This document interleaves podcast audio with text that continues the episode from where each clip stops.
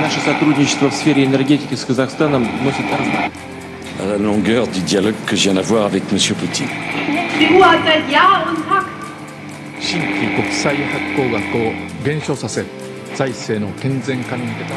Símbolo del fascismo en Sudamérica.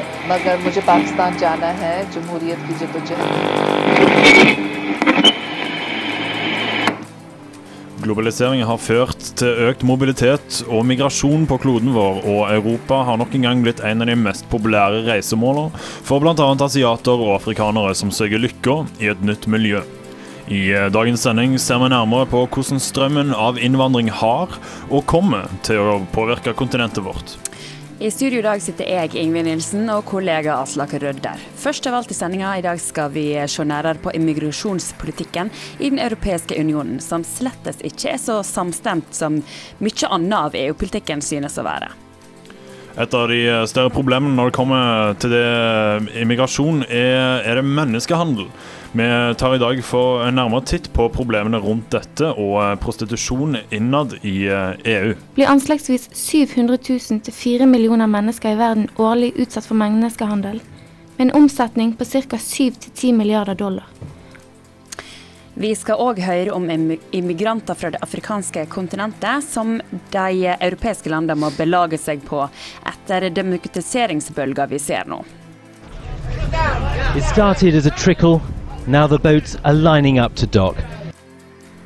Ugås eh, spalte tar for seg urbefolkningens situasjon og levevilkår, og hvordan disse har en særegen stilling i eh, vår moderne og globaliserte verdenssamfunn.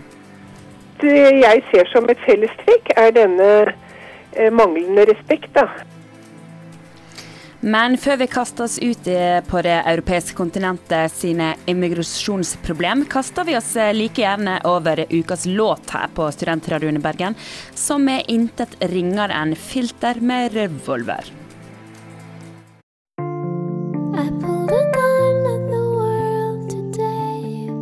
Utenriksmagasinet MIR på Studentradioen i Bergen du hører på, og vi spilte nettopp uh, ukas låt her i uh, Studentradioen i Bergen. Uh, låten heter 'Revolver' og er av bandet Filter. Ja, I forrige semester så, så vi på den økende trenden mot høyreekstremisme i Europa. Nå vender vi tilbake til Europa for å se nærmere på det som kanskje kan være bakgrunnen til, for denne økninga, nemlig immigrasjon.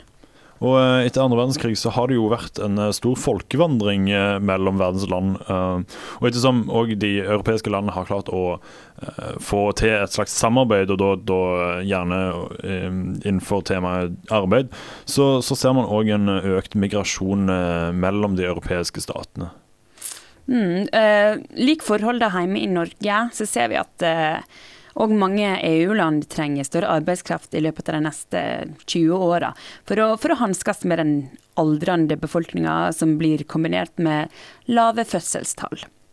Eh, da skulle en egentlig tro at, eh, at, eh, de vil ønske immigranter hjertelig velkommen, men eh, situasjonen ved forrige valg i Sverige viste at immigrasjonsfiendtlige partiet Sverigedemokraterna hadde overraskende stor oppslutning, med hele 5,7 men ikke alle plasser eh, klarer en altså å innse at eh, en om ikke lenge vil trenge store strømmer av utenlandsk arbeidskraft, eh, selv om det kanskje kan være arbeidsløse nå.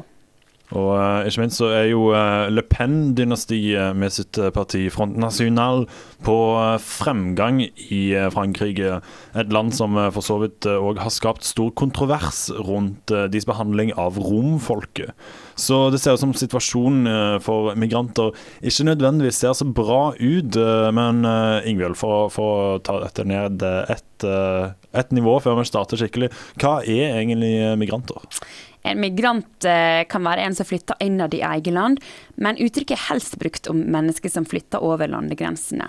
Ofte er det snakk om arbeidsmigranter, og folk flytter fordi de eh, søker et bedre liv. Men migranter og flyktninger trenger jo ikke være ulovlige. Så, så, har du selvfølgelig uh, immigranter og emigranter, som er to undergrupper, eller uh, spesifikasjonen av uh, ordet migrant.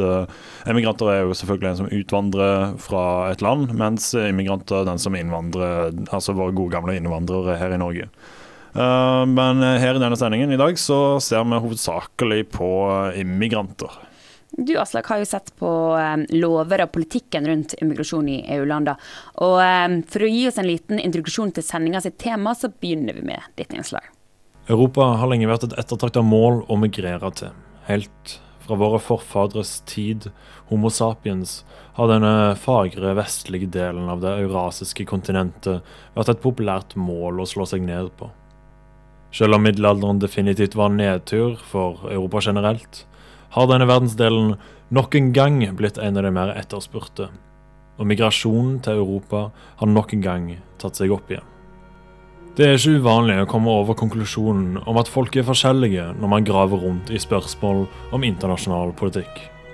Europeisk immigrasjonspolitikk er ikke noe unntak.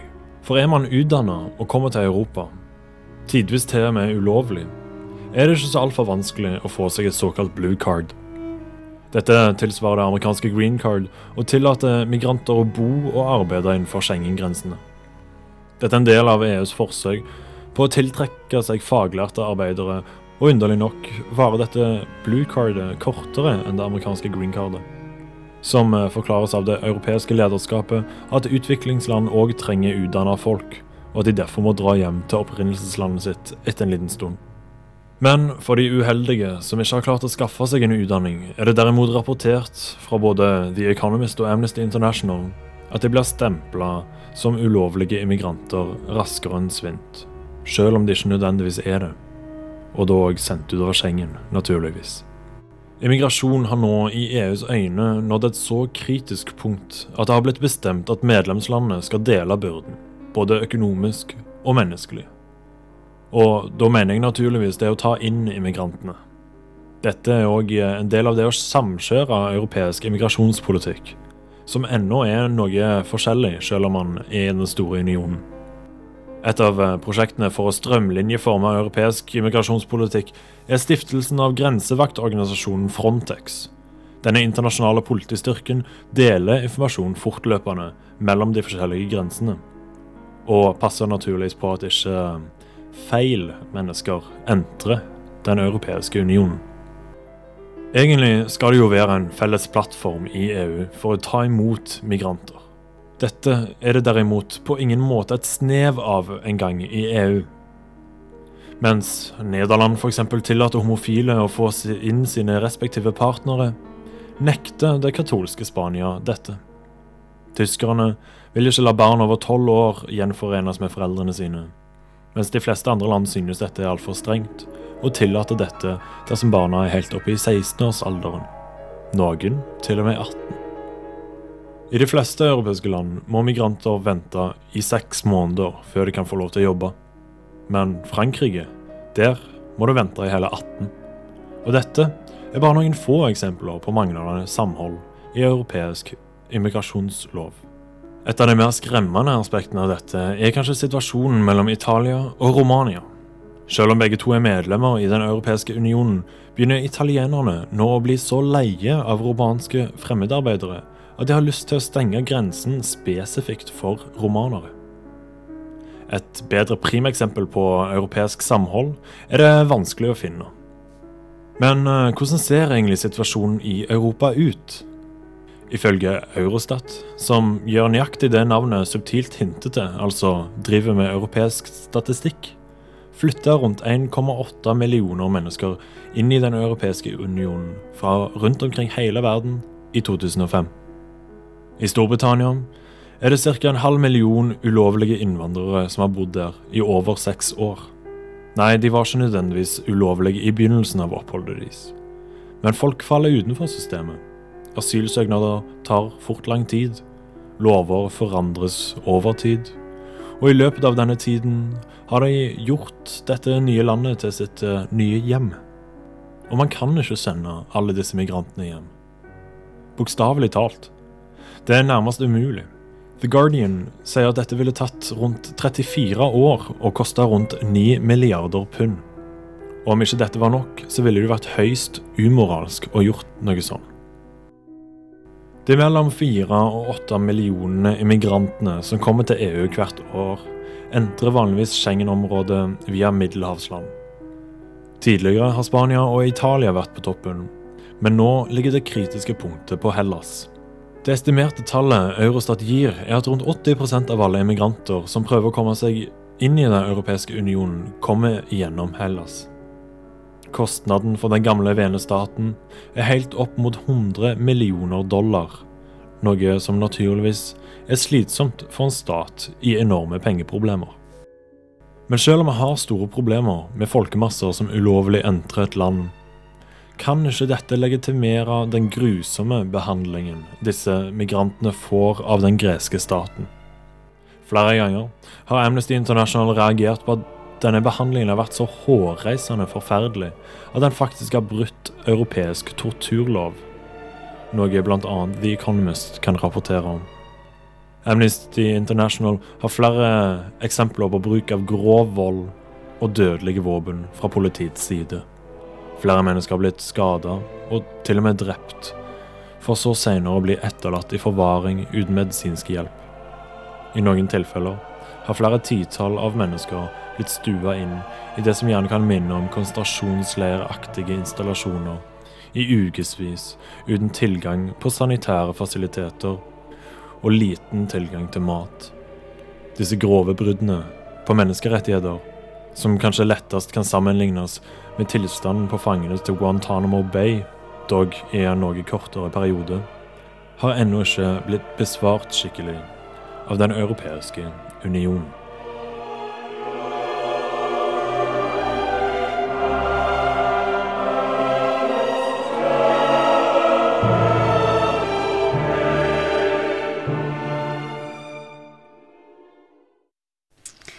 Snakker du Aslak, om uh, ulik lovgivning og politikk i EU-landene rundt immigrasjon.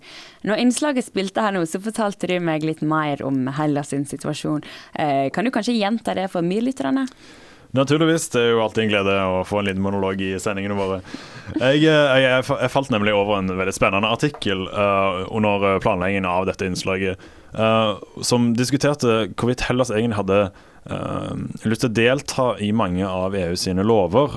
euroen er jo nå i en, en krisesituasjon for tida som er vel alle vet. og, og Hellas er jo en av de stedene som, hvor denne krisesituasjonen er sterkest, definitivt. Uh, men, men pga.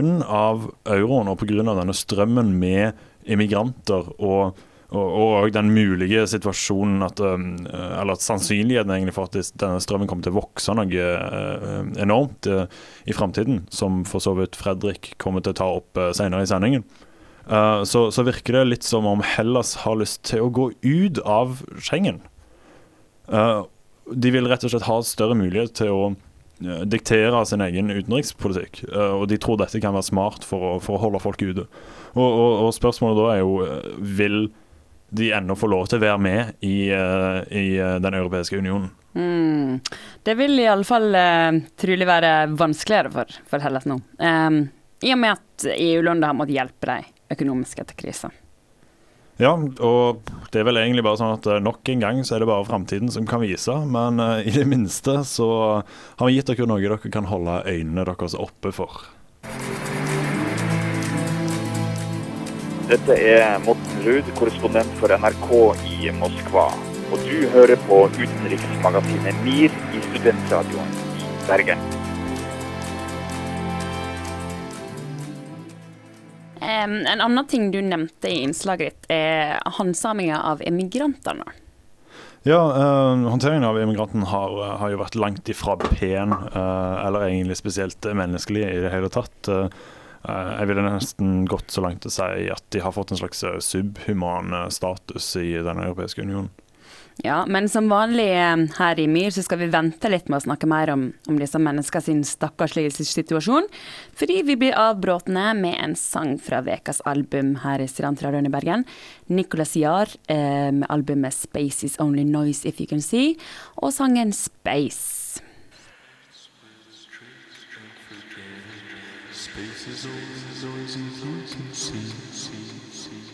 Du uh, hører på utenriksmagasinet MIR, og vi har i dag en sending om immigrasjonssituasjonen i uh, Europa.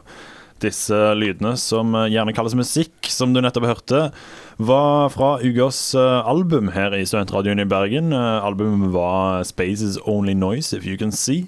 Artisten Nicholas Jar med sangen 'Space'. Men nå skal vi tilbake til det vi snakka om før sangen, nemlig handsamingen av eh, migrantene. Eh, et av de mer eh, seriøse og skumle aspektene av, eh, av, dette er prostitusjon. Um, og hvordan er egentlig situasjonen for, rundt prostitusjon og, og trafficking i dag? Jeg er veldig, veldig, glad for at det er noen andre som kan svare på akkurat det i dag. Men jeg, jeg kan jo si at The Guardian rapporterer at uh, kjøp av sex nærmest har uh, dobla seg de siste ti årene. Uh, en ekstremt skummel trend, om du, om du spør meg. Uh, og det var ikke med lett hjerte at jeg tvang vår nye medarbeider uh, Annbjørg Knutson til å lage et innslag om uh, nettopp dette forferdelige temaet. Men det har hun altså gjort, og det er det vi skal høre på nå. There's a moon over Bourbon Street tonight. Menneskehandel er vår tids moderne slaveri. Det påvirker alle land på en eller annen måte, enten det er som avreiseland, transittland eller som destinasjon. Det foregår både innad i land så vel som over landegrenser. FNs Palermo-protokoll inneholder den mest brukte definisjonen av menneskehandel. Den har tre elementer. Menneskehandel kan innebære rekruttering, transport, losjering eller mottak av personer. Dette må skje ved hjelp av trusler, maktbruk eller en annen bruk av tvang, bortføring, bedrageri, misbruk av maktposisjon eller sårbarhet, eller utveksling av betaling eller goder for å oppnå samtykke. Dette må ha til hensikt å utsette personen for utnytting i form av prostitusjon eller andre former for seksuell utnytting, tvangsarbeid, slaveri eller fjerning av organer. Det er en flytende grense mellom menneskesmugling og menneskehandel. Selv om det er forskjellige fenomener, er det en del overlapping mellom dem. Menneskesmugling er hjelp til å innvandre til et annet land i strid mot dette landet sitt innvandringslover, ofte i bytte mot betaling. Pga. de strenge visumreglene i Europa er de fleste asylsøkere avhengige av menneskesmuglere for å komme fram og søke. Ikke all menneskesmugling er utnyttelse, men noen setter seg i gjeld for å oppnå drømmen om å emigrere, og får dermed langvarige forpliktelser til de som smuglet de. Siden det selvfølgelig er ulovlig, er det svært vanskelig å anslå hvor stort omfanget av menneskesmugling er, og hvor mange som blir hjulpet eller utnyttet. Menneskehandel er per definisjon basert på utnyttelse. Ofte er mennesker som benytter seg av menneskesmuglere, i en så sårbar situasjon at de lett utnyttes til menneskehandel. Det er vanskelig å anslå nøyaktig hvor stor denne industrien er, men det er etter alt å dømme en av verdens raskest voksende globale kriminelle industri. Ifølge International Rescue Committee blir anslagsvis 700 000 til 4 millioner mennesker i verden årlig utsatt for menneskehandel, med en omsetning på ca. 7-10 milliarder dollar. Andre kilder derimot anslår at det omsettes for nærmere 30 milliarder dollar. Uansett hva de eksakte tallene er, er det liten tvil om at dette er et problem av enorme dimensjoner. Det er særlig kvinner og barn som er utsatt for menneskehandel, og ifølge humantraffic.org er det ca. 700 000 kvinner som er offer for menneskehandel i Vest-Europa alene.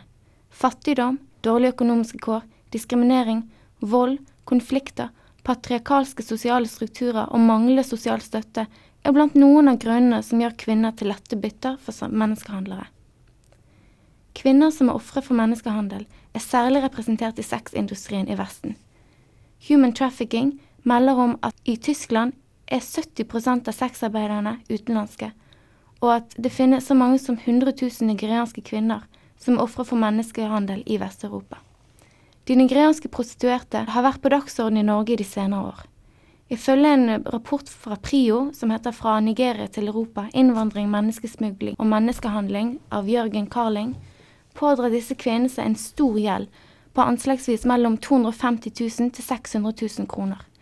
Denne gjelden tar det årevis å betjene, og eh, dette er et slags dept bondage-system som er essensielt for menneskehandel. Det betyr at offeret pådrar seg en gjeld som et resultat av transportkostnader, dokumentkostnader eller andre kostnader i transporten, og generelle levekostnader. Den norske hjelpeorganisasjonen ROSA rapporterer om at ofrene ble solgt fra en menneskehandler til en annen, og at den prostituerte selv må betale kjøpesummen som stadig økes, og at kvinnene må betale bøter dersom de ikke oppfører seg slik som handlerne ønsker. Skulle noen av disse kvinnene allikevel klare å betale tilbake denne enorme gjelden, er det mange som vegrer seg fra å returnere til Nigeria fordi de ikke har oppnådd den materielle velstanden som de er blitt forespeilet. En rapport fra Fafo, som heter 'Afrikanske drømmer på europeiske gater', viser at kvinner som evner å betale ned gjelden sin, selv ofte begynner å rekruttere nye kvinner og operere som bakmenn.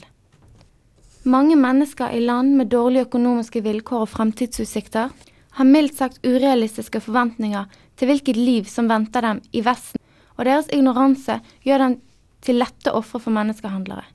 I tillegg forsterker markedsføringen og turismen bildet av Vesten som et sted fylt av muligheter, og skaper en illusjon bl.a. hos mange kvinner om et bedre liv som venter dem. Den tidligere nevnte FAF-rapporten skriver bl.a.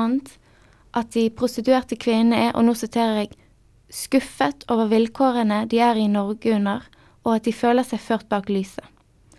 Det faktum at en betydelig andel av folk i fattige land ønsker å emigrere til Vesten, gjør igjen sitt til at det er nok av folk å rekruttere. For å ta et lite eksempel. En relativt nylig FN-rapport fra Egypt viser at én av tre menn under 30 år har lyst til å flytte fra landet. Og det er et enormt antall i et land med 80 millioner innbyggere, hvorav 52% er under 25 år gammel. Ironisk nok er det de stadig strengere visumreglene i Vesten som er en av grunnene til at menneskesmugling og handel er økende. Selv om intensjonen er å forhindre mennesker å komme seg til Europa, fører det til at det knapt finnes lovlige måter å søke lykken i Vesten på. Dermed oppstår det et umettelig marked for illegal migrasjon. Denne industrien er enorm og fullstendig blottet for overvåkning og regulering, og man vet relativt lite om skjebnene til de menneskene som er påvirket by the light of the moon. The brim of my hat hides the eye of a beast. Det var Annbjørg Knutsen som fortalte om eh, prostitusjon i EU. Men nå tar vi steget fra Sting og videre til politiet. Vi skal høre The Police med Roxanne. En uh, velkjent, uh, god og gammel rytmisk lydsammensetning der av The Police, nemlig Roxanne. Og Ingvild, tilbake til menneskehandel og trafficking, som òg Annbjørg tok opp i sitt innslag. Hvordan, hvordan, går det egentlig med immigrasjonen til EU nå i, i, i disse dager, hvor man ser disse enorme demonstrasjonene i kontinentet sør for oss? Det er jo sånn at EU eh, e i en lengre tid har kjørt ei restriktiv linje når det kommer til eh, immigrasjon fra Nord-Afrika. Og det har igjen vært med å bidra til, til massive arbeidsløyser, gjør de unge voksne i, i, regionen der i dag. Men, men jeg tenker at det, det kan ikke være bare i Nord-Afrika at, at, man ser disse, denne arbeidsledigheten. Um, Eh, jeg tenker jo da naturligvis på at man får en eh, økt immigrasjon til, til Europa, uh, f.eks. Og at man da òg ser mer ulovlig og, og svart arbeid. Så, så, for Europa så tenker jeg at det virker ganske logisk å, å prøve å forsvare arbeidsplassene sine fra ikke-europeere for å styrke sin egen økonomi. Uh, noe som kanskje er spesielt viktig nå som man kjenner finanskrisen på kroppen med, med, med denne enorme arbeidsløsheten unnskyld, arbeidsløsheten som man, man finner spesielt i, i Sør-Europa. Det er denne problematikken eh, kollega Fredrik Sagerfoss har eh, tatt for seg denne veka, da han ser på hvordan bølger av demonstrasjoner og frigjøring av land i Nord-Afrika Eh, har og vil påvirke EU. It started as a trickle, now the boats are lining up to dock. On board, migrants from Tunisia where demonstrations last month led to President Zine Al Abidine Ben Ali fleeing the country. More than 4,000 people have made the journey to the tiny Italian island of Lampedusa since Friday. A further 600 arrived on Sunday.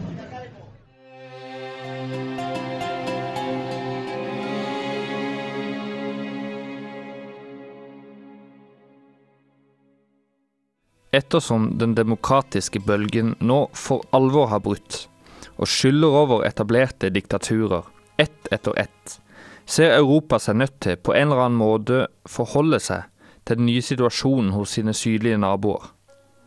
Demokratibølgen kan nemlig følges av en migrasjonsbølge. Italia er nærmeste europeiske nabo til både Libya og Tunisia, og har allerede merka hvordan det i ly av et folkeopprør plutselig åpner seg muligheter for å flykte dit det faktisk finnes arbeid og mulighet til å tjene penger. En måned etter at Tunisias president Zin al-Abidin Ben Ali ble styrta i et folkeopprør, reiste plutselig 5000 tunisere til Italia i løpet av fem dager. Dette er mye å måtte ta hånd om for et land som tidligere hadde måttet ta imot maks 30 000 flyktninger på ett år. Italia har nå gått med på å hjelpe Tunisia, både økonomisk og materielt, for å få bukt med migrasjonen. Men dette vindkastet kan være bare en liten forsmak på den orkanen som ulmer litt lenger øst i Nord-Afrika. Libya has warned Europe it will suspend cooperation in the fight against illegal immigration. The threat came as the EU issued a strong denunciation of Tripoli's bloody crackdown against pro democracy protesters. Relations between the bloc and oil rich Libya have rarely been so strained as reports of its brutal repression emerge. I Libya er Muammar Gaddafi som kjent under et voldsomt press, og langer som følge av dette ut beskyldninger og trusler i øst og vest, og nord. Når EU nå har vært til EU å være, usedvanlig skarpe i sin kritikk av Libyas håndtering av opprøret, ser obersten nå sitt snitt til å minne om at Libya for mange er selve porten til Europa. Dersom Gaddafi faller, hvem skal da holde denne porten lukka? EU har i flere år samarbeida med Gaddafi og Libya om å holde igjen folkemassene som ønsker å ta seg over Middelhavet. Disse kommer ikke bare fra Libya, men fra hele Afrika, og Tripoli er siste hindring på vei mot den europeiske drømmen. Mot en betydelig sum penger har disse blitt brutalt holdt igjen av oberstens fotsoldater. Nå trues altså Europa en flodbølge. Gaddafi sjøl har sagt at det er snakk om 750 000 flyktninger, men det spekuleres i et antall på over to millioner.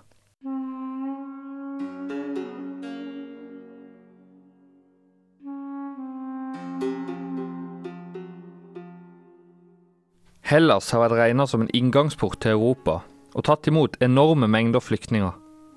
I takt med massene med immigranter har Hellas mottatt flengende kritikk for sin behandling av disse, og man spør seg nå om Italia har evnen til å håndtere dette på en bedre og mer humanitær måte. Italia er et land som ikke er kjent for å behandle sine papirløse borgere spesielt bra, og dersom de sydlige sluser åpnes for fullt, vil vi ikke lenger snakke om en folkevandring, men en humanitær katastrofe. Italia har dermed nå bedt om hjelp. For massemigrasjon til et EU-land er hele EUs problem, ikke bare det enkelte mottakerlandet. En slik monsterbølge av innvandrere vil slå inn mye lengre på det europeiske fastland enn bare Italia. Og selv om Italia står ansvarlig overfor EU for alle flyktninger som kommer inn i unionens område via deres grenser, så blir to millioner mennesker for mye for ett enkelt land å håndtere.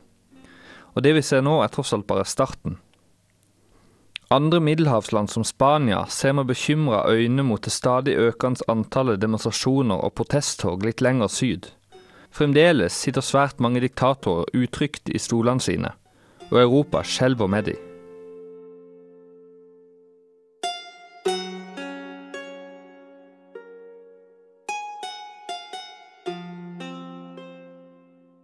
Denne trusselen fører til uunngåelige problemstillinger. For EUs nevnte reglement, hvor hvert land er ansvarlig for immigranter som entrer unionen via deres grenser, skaper et voldsomt press på middelhavslandene. Det er tross alt disse som ligger i nedslagsfeltet for afrikanske innvandrere. Og dette fører igjen til at de utsatte landene går til drastiske skritt for å gjøre problemet så lite som mulig, noe som går kraftig utover menneskerettighetene. Italia har hatt sin egen avtale med Gaddafis brutale regime. Flyktninger som stoppes på vei over havet, blir resolutt returnert til Libya, uten å få sine asylsøknader behandla som de har krav på. Og selv om EU har kritisert dette, har de ikke klart å komme med noe alternativ. Spørsmålet er rett og slett om EU, med dagens regler, er i stand til å ta imot en slik bølge som obersten truer med å slippe løs. Fredrik eh, Sagerfoss, fortell oss om eh, hvordan det kanskje vil foregå de eh, neste ukene, ettersom flere land forhåpentligvis blir frigjort fra de autoritære regimene som de befinner seg i. Men hva kan man egentlig gjøre for å dempe denne innvandringsstrømmen, Ingvild? Det kan du si, fordi Er det virkelig sånn at vi må gå såpass langt som, som Italia har gjort, eh, ved å støtte Gaddafi og, og bruke Libya da, som, som, en bufferstat? Eller går det an å hjelpe potensielle flyktninger der de er, eh, så situasjonen blir mer ut, utholdelig i heimlandet? Jeg er, jeg er stygt redd for at, jeg, eh, at vi kommer til å se en situasjon sånn som i USA. Uh, hvor, uh, mellom uh, USA og Mexico, uh, hvor man ser at de militariserer grensene sine noe ekstremt. vi har jo allerede sett en økt militarisering av grensene i, i Hellas. Men, men, i USA så, så, er det kanskje et nytt nivå som man aldri før har sett eller vil kunne tenke seg. Um, og, og, og, egentlig driver grenseområdet med en jernhånd. Um, dette har vi for så vidt vært innom før i en eh, tidligere Rafto-sending i sist semester, som uh, hvis dere ikke har fått det med dere, så burde dere eh, gå på iTunes og laste den ned senere. Hmm, vi får iallfall håpe at det ikke går såpass langt som USA-Mexico-grensa. Så vi tar heller og drømmer oss vekk med neste sang, og det er Panda Bear med 'Last Night at the Jetty'.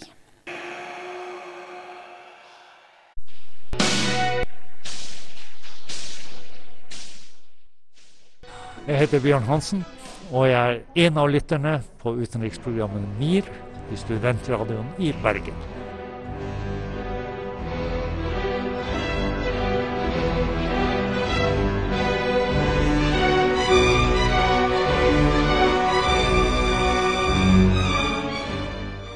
Panda Bear var navnet på bandet som spilte sangen, men uh, vi har ikke bevega oss inn mot Kina nok en gang.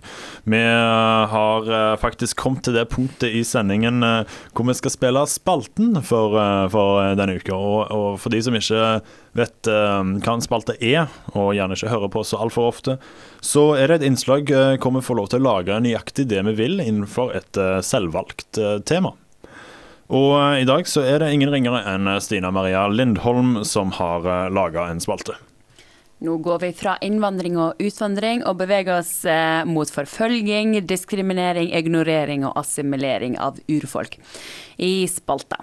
Dette er Urfolk er jo et folkeslag i hermetegn som sliter med mange av de samme problemer som immigranter gjør. Og eh, Stina har eh, intervjua Sidsel eh, Saugestad, som er professor i sosialantropologi ved Universitetet i Tromsø, om urfolks situasjon. Lenge før industrialisme, imperialisme og kapitalisme en gang var tenkt på, fantes det avanserte mennesker med intelligente samfunn. De har for det meste blitt tråkket på og spyttet ut igjen. Solgt som slaver, utryddet med overlegne våpen, puttet i bur og blitt brukt som underholdning. Fra samer i de nordligste områdene i Europa til nomader i sørlige delen av Afrika, aboriginals i Australia og indianere i Amerika har urfolk blitt systematisk utryddet, marginalisert og diskriminert i flere hundre år. Men hvor står de i dag, og hvor går veien fremover? Sissel Saugestad, professor i sosialantropologi ved Universitetet i Tromsø, spesialisert seg på problemstillinger knyttet til urfolk, og hun har drevet forskning i bl.a. sørlige delen av Afrika. Jeg spurte Saugestad hva hun mener det er som har ført til at så mange forskjellige mennesker over hele verden i dag sitter med mange av de samme problemene. Ja, Det er klart at veldig mye av det henger sammen med eh, særtrekk i måten de bruker land på, territorier. Eh, og det som preger eh, noen typer jordbruk, og som jeg nevnte, jegere og sankere og nomader, det er jo at de beveger seg, eller tradisjonelt, da de kontrollerte sine egne områder, beveget seg over store områder, eh, og brukte de på en måte som ikke eh, etterlot, synlige markeringer. Det jeg ser som et fellestrekk, er denne eh, manglende respekt, da. Manglende erkjennelse for, eh, for andre måter å å bruke landområdet på. Men hva er egentlig definisjonen på urfolk? Saugestad forteller videre at i praksis finnes tre måter å definere urfolk på.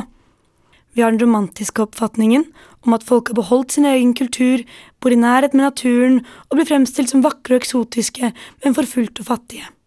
Når det kommer til bistand og urfolk, finnes det en byråkratisk måte å definere dem på. Byråkratene mener nemlig at det er vanskelig å jobbe med bistand til urfolk, fordi det er så vanskelig å si hvem de er. Da byråkrater er opptatt av at det skal være likt for alle, forteller Saugstad at de har problemer med å se urfolks spesielle rettigheter. FN derimot har en definisjon hun kan se seg enig med. I FN så finnes det en definisjon av urfolk. Altså man kan bruke mange eller få kriterier, men sånn grovt sett så er urfolk de som kom først til et område, eh, og som er kulturelt forskjellig fra folk som senere inntok det samme området. Og forskjellen det kan være språk eller religion, og veldig ofte er det levemåte. For i dag er veldig mange de gjenværende urfolk jegere, sankere eller nomader.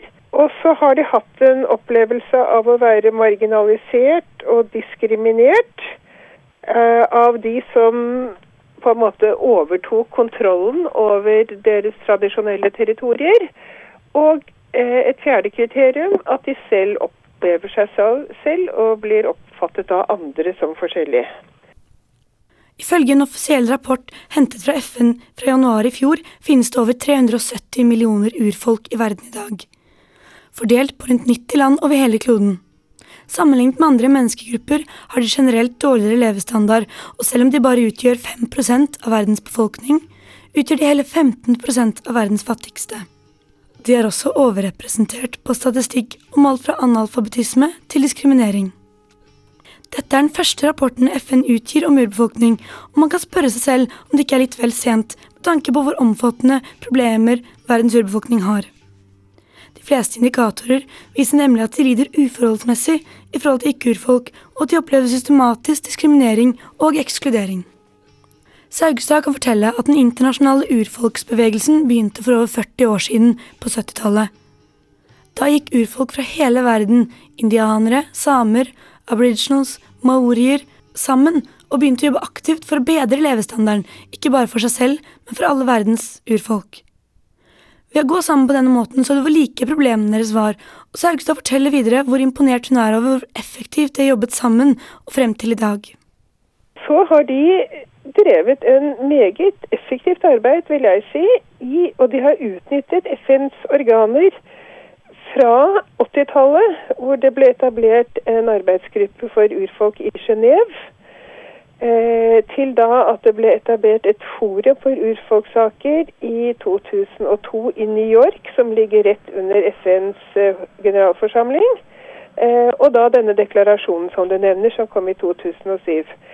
Um, og det er jo det siste da av en, en rekke tiltak. Um, sånn at på det, på det, internasjonale området så har jo urfolksorganisasjoner uh, vist en helt utrolig evne til å få fremmet sine synspunkter og få de godkjent og, og respektert som rettigheter. Selv om FN-deklarasjonen er et stykke på vei mot målet, er det fortsatt store problemer for urfolk i sitt hjemland. Lokale myndigheter har fortsatt en lang vei å gå før artiklene fra FN-erklæringen fra 2007 blir opprettholdt. Et annet problem er at FN ikke kan gripe inn og hjelpe minoriteter som ønsker selvstyre, da dette går imot FN-traktaten. På spørsmål om hva urfolk verden over egentlig kjemper for, er Saugestad og utallige andre eksperter enige. Selvbestemmelse retten til å bestemme hvilken plass de skal ta i samfunnet selv.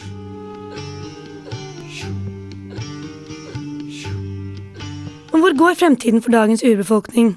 Har de i hele tatt muligheten til å tilpasse seg et liv i det vi kaller for det moderne samfunnet? Og hvis de får muligheten til å velge selv, vil de velge å integrere seg eller ekskludere seg? Jeg tror ikke noen ønsker å ekskludere seg fra det moderne samfunn. Jeg tror ikke det er noen vei tilbake, fordi at alle kulturer forandrer seg. Vår, eh, jeg mener, norsk kultur forandrer seg, samisk kultur forandrer seg. Jeg har en annen kultur enn mine foreldre hadde. Eh, og urfolksbarn har en annen kultur enn sine foreldre. Eh, men, men, spørsmålet er, er fremdeles hvordan man hvem som skal kontrollere, og hvordan en slik forandring skal foregå. De bildene av desperasjon, eh, alkoholisme, eh, resignasjon som, som er et riktig bilde mange steder i verden, er jo et klart uttrykk for en manglende en, en, sterk følelse av at de ikke bestemmer over sin egen tilværelse. Det så det har noe å gjøre med måten dette gjøres på, mer enn et spørsmål om de skal integreres eller ikke. Eh, for vi er alle nå del av et, en moderne Enten i sentralt eller i utkanten av en eh, globalisert, omfattende økonomi. Det, det kommer man ikke unna. Der hørte vi Stina Maria Lindholm som snakka med Sissel Saugestad om urfolk. Eh, Saugestad trekker her fram at urfolk har blitt behandla sånn som det har blitt. Eh, fordi de som regel er nomader eh, som lever i ett med naturen. Og um, da har de eh, blitt overkjørt av, av, de fastboende fordi de liksom ikke har lagt um, beslag på noe. Dette er en av grunnene til at de blir sett sånn ned på av folk i Vesten. Noe som for så vidt er en veldig, veldig underlig grunn. Uh, og, og, har jo katastrofale følger. Altså man, man ser jo at, uh, som Stine sa, at uh, 25% av verdens fattigste er, er, fra en urbefolkning. dette er jo absurde høye tall. Men du Aslak, nå har vi dessverre kommet til det punktet i sendinga da vi må samle trådene og ikke komme med nye. så nå tar vi oppsummerer før vi gir stafettpinnen videre til Kinosyndromet. Det er, det er, godt du passer på meg. Um, det har altså vært et fokus på uh, immigrasjon til Europa i dagens sending, hvor vi har sett på selve samarbeidet mellom de europeiske statene. Og diskutert uh, mer om uh, situasjonen til disse immigrantene. Vi har òg fått høre om hvordan de prostituerte lever dag til dag, og om hvordan demokratiseringsbølgen i Nord-Afrika og Midtøsten kommer til å påvirke innvandringsbildet i, i Europa. Det har vært jeg, Ingvild Nilsen, som har sittet i studio i dag, i lag med deg, Aslak Rødder, som òg har styrt teknikken. Produsenten for denne dagen har vært Joakim Holland, og deltakende i sendinga har vært Stina Maria Lindholm, Annbjørg Knutson og Fredrik Sagafoss. Hvis du uh, har noen spørsmål eller bare har litt uh, lyst på litt kontakt med oss her i MIR, så kan du sende en mail til umir.srib.no. Og det er bare å ta kontakt om hva som helst. Du må òg eh, huske å laste ned eh, programmet vårt, eh, både denne og tidligere sendinger, på iTunes eller via RSS. Og du må gjerne òg besøke nettsidene til Studentradioen i Bergen. De finner du på srib.no. Etter det så kommer som nevnt Kinosyndromet, så stay tuned, som de sier. Takk for oss. Tusen takk for oss.